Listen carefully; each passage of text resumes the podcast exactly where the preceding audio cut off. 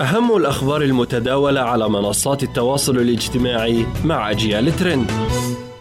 أهلا وسهلا بكم مستمعي ومستمعات أجيال هذا أجيال ترند. أثارت تصريحات رئيس الفيفا جياني إنفانتينو التي أكد فيها أن مونديال قطر سيكون النسخة الأفضل لكأس العالم تفاعلا واسعا على مواقع التواصل الاجتماعي في العالم العربي.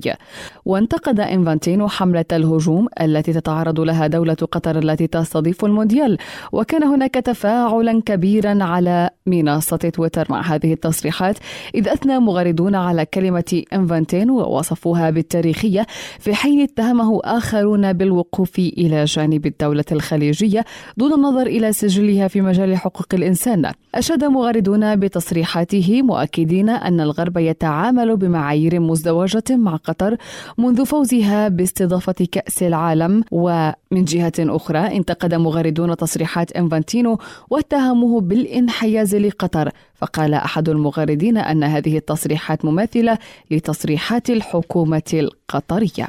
وفي الشأن الرياضي تصدر هاشتاج يحمل اسم لاعب كرة القدم المصري ونجم فريق ليفربول الإنجليزي محمد صلاح.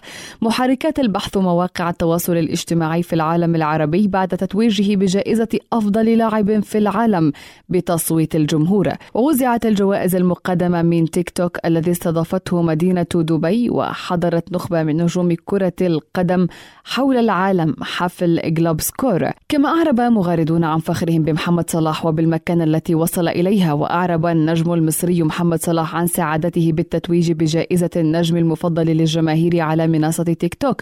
لم يغفل حساب نادي ليفربول الإنجليزي بالعربية على تويتر هذه المناسبة للاحتفال بنجمه المصري ونشر تغريدة لجانب من تصريحاته. وقد احتفل الرياضيون مغردون وناشطون بلاعب ليفربول ومهاجم مصر مهنئين النجم المصري بحصوله على الجائزة. إلى اللقاء في حلقة جديدة من أجيال ترند دمتم بخير.